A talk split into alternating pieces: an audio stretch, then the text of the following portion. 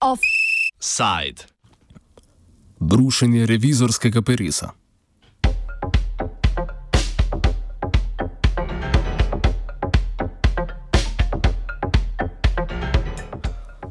Računsko sodišče Republike Slovenije je najvišji organ, ki bdi nad porabo javnih in evropskih sredstev državi. Po ustavi je pri svojem delu neodvisno. Ni ga možno vrstiti v nobeno izmed treh vej oblasti. Aktov, s katerimi izvršuje revizijsko pristojnost, pa ni dopustno izpodbijati pred sodišči ali drugimi državnimi organi. Pristojnost in delovanje računskega sodišča, poleg omenjenega temeljnega zakona, ureja zakon o računskem sodišču, ki datira v leto 2001, zakon o spremembah in dopolnitvah zakona o računskem sodišču pa v letu 2012.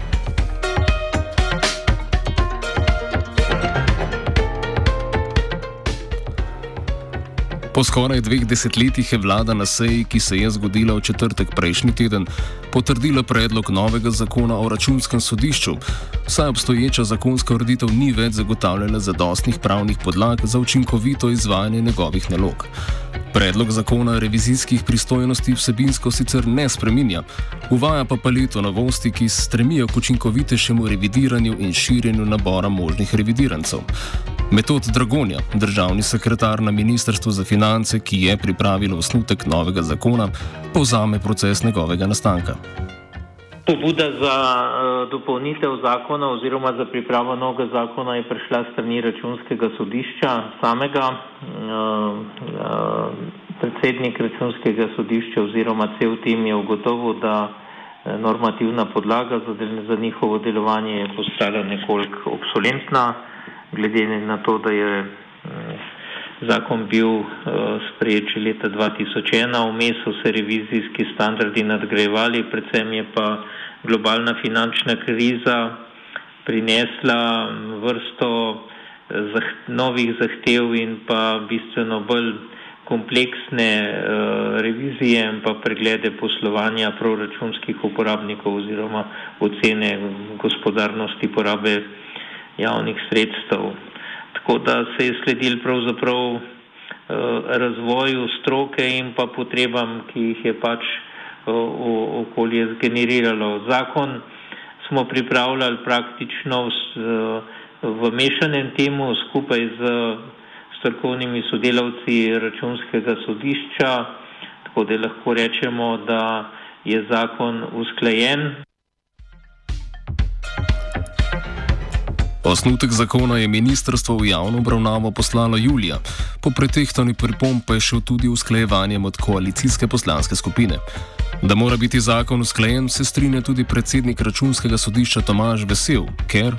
Pravzaprav pomeni tak poseg v neko operativno učinkovitost inštrumentov za delovanje računskega sodišča, zato ker posega predvsem v revizijski postopek, ki je rabu nekaj modernizacije. Poleg tega smo rabili v preteklih letih eh, kar dosti časa, da smo uskladili, kaj postane v nekem poročilu zaupno, eh, kakšne komuniciranje z revidirancem, in smo težave pri prevzemu dokumentacije bivših odgovornih oseb, ki eh, niso prevzemale pošto. Skratka, porabili smo veliko časa za neke birokratske posebnosti ali pa podrobnosti, ki niso prispevale k ničemer, tako da sem zadovoljen, da to lahko odpravimo seveda je pa not v spremembah zakona tudi vse marsikaj drugega, kot samo odprava teh birokratskih zavrek.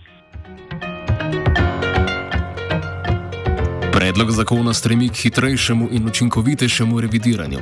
Med načrtovanimi posodobljenimi rešitvami je tudi uvedba skrajšanega postopka kot alternativa kompleksni reviziji. Ja, seveda, davkoplačevalci, državni zbor, javnosti potrebuje pravzaprav dve intervencije strani računskega sodišča. Prvič, ko računsko sodišče osvetli neko celostno področje, za katerega logično potrebuje več časa, kot je recimo oskrba, kam na starost, recimo vprašanje, pa tudi druga vprašanja, ki se veže s takimi širšimi družbenimi vprašanji. Zato potrebujemo več časa, gre za kompleksne študije in za neke več revidirancev, skratka za, za revizije, ki logično potrebujemo več časa in več naporov. Potem pa potrebujemo tudi razjasnitev kakšnih situacij povezanih s kakšnim razpisom, s kakšnim posebnim naročilom, s kakšno samo pogodbo, ne, kjer pa morda ne bi potrebovali cel ta baročni postopek, ki ga imamo zdaj po zakonu o računskem sodišču, ampak bi lahko na hitrejši način dal odgovor na, uh, na vprašanje, ali je bil nek postopek voden v redu, ali je bilo neko naročilo oddano dobro, ali je nek posel pravzaprav zaključen ali ni. Skratka, gre samo za del poslovanja in samo za pravilnost poslovanja, pri celoviti reviziji gre pa seveda za smotrnost poslovanja. Zmanjšanju birokratizacije cilja tudi ukrep, da bi računsko sodišče po novem lahko ustavilo revizijski postopek in ne izdalo pro, po revizijskega poročila. Primeri, zaradi katerih je v predlogu zakona predvidena omenjena rešitev, so sicer redki. Za morebitno poseganje po to vrstni možnosti pa mora soglašati celotni senat računskega sodišča. Gre za primere, ko je določena institucija ali organ v času revizije ukinjen ali se preoblikuje, ali pa se strani preiskovalnih ali drugih organov ne izkaže potreba, da bi revizijo dokončali z izdajo mnenja.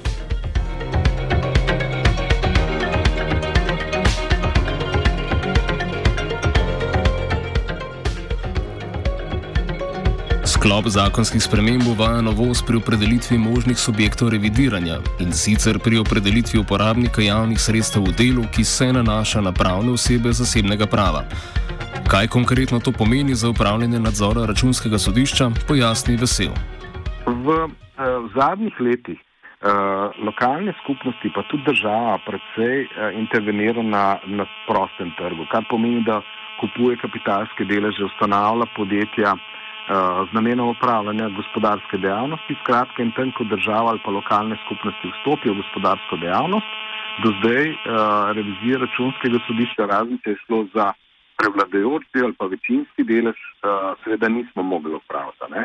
Zato si želimo, da bi širil krok uh, teh potencijalnih reviderancev, tudi v tistem delu, kjer država ali lokalna skupnost nima večine, ampak je samo udeležena pri takšnem poslovanju skratka govorimo o sodelovanju z zasebnim in pa javnim sektorjem, tudi zaradi tega, ker mislimo, da bo to definitivno prihodnost sodelovanja med javnim in zasebnim sektorjem in tudi zaradi tega, ker imajo nekatere druge države na ta način urejeno. Morda bi lahko posegali v tista um, podjetja, ki upravljajo sključno infrastrukturo, kritično infrastrukturo. Uh, obenem pa lahko opozorili, da morda kakšno tako premoženje države ali pa predvsem lokalnih do zdaj tega računsko sodišče ni moglo, po spremembi zakona bi bilo pa to seveda mogoče. Vlada želi s predlogom zakona računskemu omogočiti tudi dostop do vseh relevantnih podatkov, ki jih to potrebuje, tako za načrtovanje in izvajanje revizij, kot tudi za oceno tveganja ter izvrševanje drugih nalog. Vesel je teh sprememb, zelo vesel. To je pa, kar smo pravzaprav najbolj pogrešali da bi lahko pridobili podatke tudi od zasebnih subjektov, tukaj govorimo seveda o podjetjih, pri poslovanju z javnim sektorjem, namreč oni niso bili dolžni računskemu sodišču podajati nikakršnih, ne, ne samo pojasnil, ampak predvsem nobene dokumentacije. In to je večkrat um, bilo mal problematično pri revidiranju zlasti recimo javnih nasil, pa tudi nekaterih drugih poslov. Um, to se mi zdi ena izjemno pomembna novost, obenem pa je morda velja omeniti še eno novost v zakonu in sicer, da bi se bistveno podaljšal rok za popravljalne ukrepe. Zdaj imamo 90 dni kot najdaljša možnost, da računsko sodišče izreče nek ukrep, popravljalni ukrep revidirancov. Moramo vedeti, da je tri mesece relativno malo, če želimo pripraviti nov predpis, sprejeti zakon, kakšen podzakonski akt, popolnoma predrugačiti spremembi zakona bi pa imeli na voljo šest mesecev, kar pa je že dovolj velik ali pa dolg rok, da pravzaprav lahko kar krepko posežemo v politike in zahtevamo marsikaj več, kot smo zdaj zahtevali. Pristojnosti računskega sodišča sodi tudi revidirane banke Slovenije, ki ima sicer finančno in upravljansko avtonomijo. Neodvisnost centralne banke pa je bila tudi, če ravno ne izgovor, pa vsaj razlog, zakaj je takratni guverner Boštjan Jazbec leta 2017 na ustavno sodišče vložil zahtevo o presoji ustavnosti dela zakona o pravilnosti nadzora banke Slovenije.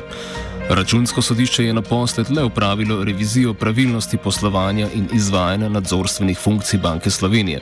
Prav na tem primeru pa se je pokazalo, kako pomembni so zakonski okviri, okviri pri omogočanju delovanja najvišjega revizijskega organa v državi.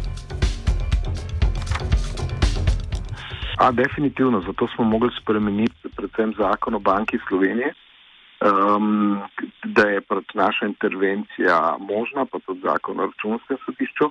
Tako da zdaj to revizijo upravljamo, mi bomo izdali dve revizijski poročili v letošnjem letu. Eno se bo ukvarjalo s pravilnostjo poslovanja, uh, drugo pa z smotrnostjo poslovanja, oziroma če poenostavljeno rečem, z razlogi um, in ravnanjem pri bančni luknji bi lahko lažje upravljali revizije, če bi imeli te spremembe že sprejete brez dvoma. Ravno v tem primeru bi se to izkazalo kot zelo pomembno. S predlogom novega krovnega zakona o računskem sodišču, ki sedaj roma v državno zborsko proceduro, pristojnosti računskega sodišča v Sloveniji ne le postajajo primerljive s tistimi, ki veljajo v Evropski uniji, ampak Še celo več, imamo nekaj eh, mehanizmov, ki jih druge po Evropi nimajo in nam jih močno zavidajo. E, tako da mislim, da bo to gotovo ena najbolj modernih um, uh, ureditev v Evropi. Najbolj zanimivih in na nek način moram reči, da če bi do zdaj očitek, ki sem ga sicer vsakeč zaznal, pa se ga zna razložiti, da morda temu ni tako, uh, da mogoče um, ni res velikih sprememb potem, ko računsko sodišče izda revizijo. Moram reči, da sicer temu ni tako, zdaj pa prav gotovo ne bo. In to je tisti instrumentari, ki ga nam zavidajo. Marsik je zunaj namreč nimajo možnosti izrekati popravljalnih ukrepov, moramo pa mi vedeti, da pravzaprav pri nas jih že lahko, od zdaj naprej bomo pa še bolj učinkoviti. Skratka, ko bomo šli na neko področje, bo tam prišlo do sprememb. In zato smo pravzaprav poklicani, da damo te spremembe v korist vseh davkoplačevalcev. Kajti na neko področje, ki ga računsko sodišče obdela ali pa nek subjekt, ni razumno pričakovati, da bi se vsako leto vračali, razen za revidiranje seveda penzijske blagajne, zdravstvene blagajne in logično državnega proračuna. Offside je pripravil žiga.